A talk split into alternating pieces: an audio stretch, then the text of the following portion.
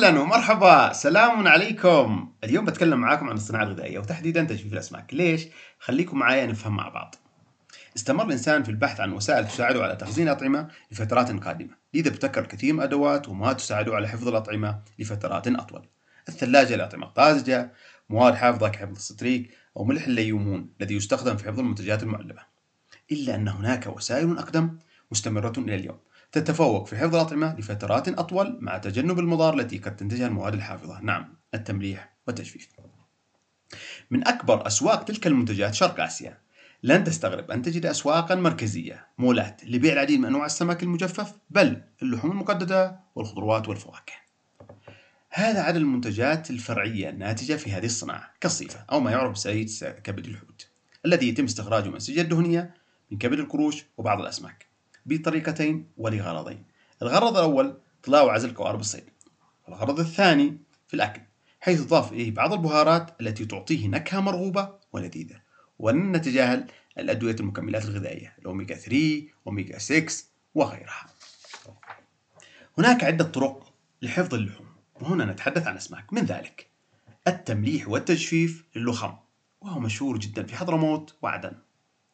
التجفيف الشمسي للوزف وكثير محافظات تعرفه. والسلق ثم التجفيف للحنيد. ليس الحنيذ. الحنيد منتج يستخدم كبهارات في الأطعمة مثله مثل مرقة الدجاج إلا أنه أكثر صحة وأكثر لذة يمكن تسميته مرقة السمك. التمليح مع التخمير للبغزيز يشبه الفسيخ. يفترض تقطيع السمك بطريقة تسمح بتغلغل الملح ثم يوضع في براميل أو علب مغلقة بإحكام وعزله عن الشمس لفترة قد تصل إلى 40 يوما. حتى يمتزج الملح المضاف مع الملح الطبيعي في لحم السمك هناك من يرغب هذا المنتج بشكل كبير وهناك من لا يرى بسبب رائحته لماذا يتم ذلك؟ أشبه ما يكون بالتحنيط لماذا تمت عملية التحنيط في السابق في كثير من الشعوب من المصريين؟ يهدف النتيجة للتخلص من الرطوبة لتضبيط عمل البكتيريا والتعفن كذلك العملية في الصناعة الغذائية للتجفيف حيث يتم تثبيط عمل البكتيريا وقضاء التعفن وحفظ المنتج الغذائي لفترات طويلة جدا لسنوات وسنوات لا تستعيد البكتيريا نشاطها إلا إذا تعرض المنتج إلى الرطوبة أو ما أو ما يسهل عملية تفعيل دور البكتيريا. هذه الصناعة لها قيمة كبيرة في عالم الأسواق، حيث الكثير من المستهلكين يبحثون عن هذه المنتجات، وبالتالي حتى ندخل هذه الصناعة رغم بساطة العمل فيها إلا إن لم يكن قائما على ترتيب يعتمد على أساس أو أساسي وهو اختيار الأسماك الطازجة وغير الفاسدة التي لم تتعرض لأي ضرر. لذا فالخطوة الأولى هو اختيار الأسماك. الخطوة الثانية التدرب على تقنية التنظيف والتحضير بحيث لا يحدث خطأ في عملية التحضير ويسبب تلف السمك.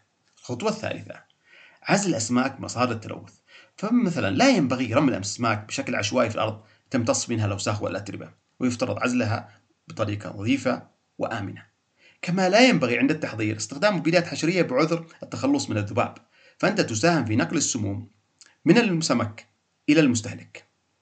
بعد التجهيز للبيع تجنيب السمك المياه أو التعرض للرطوبة أو أي مصدر منشط البكتيريا وبالتالي من الجيد تغليفها بشكل مناسب. وعند الاستخدام ينبغي عليك قبل أكل السمك غسلها بشكل جيد وإعدادها بالطباخة. لا يفضل أكلها نية في أغلب الأحوال. كما أن من لديه تحسس من الأملاح يفضل أن يسرقها جيدا حتى يتخلص من الملح ثم يغسلها بالماء ثم يطبخها وهناك الكثير الكثير من الوصفات الغذائية في الطبيخ. لا يمكننا أبدا تجاهل أهمية الأسماك الطازجة لكن دعونا نتذكر أن الروب الزبادي والحقين أكثر فائدة من الحليب الطازج ولا ننكر هنا فائدة الحليب. في المقابل الأسماك المجففة لها فوائد قد تفوق فوائد الأسماك الطازجة والمعلبة رغم أنها تخلصت صحيح من كثير من كميات المياه والرطوبة إلا أنها تستردها بشكل طبيعي مع الطبخة. من أبرز تلك الميزات واحد تنشيط الدورة الدموية والحماية الجلطات القلبية.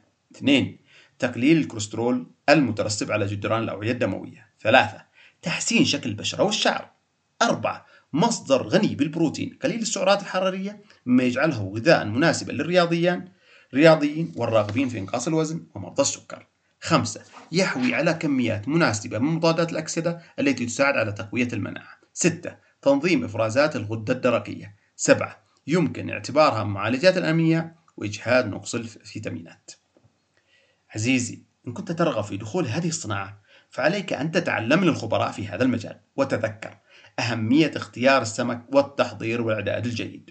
وإن كنت بائعا، فهذا السوق بحاجة إلى اكتشاف، إنه عالم يصنع الفارق، وينافس المنتجات المعلبة ليس فقط في السمك، بل في اللحوم والفواكه وغيرها من المنتجات المجففة.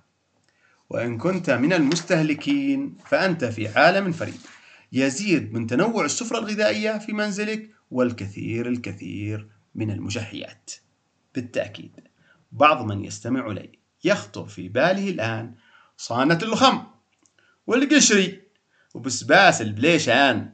يم يم على وجبات الحضارة. كل هذا جاء نتيجة تجفيف أنواع عدة من الكائنات البحرية. أهلا بك في عالم الأطعمة المجففة واللذيذة. سلام عليكم.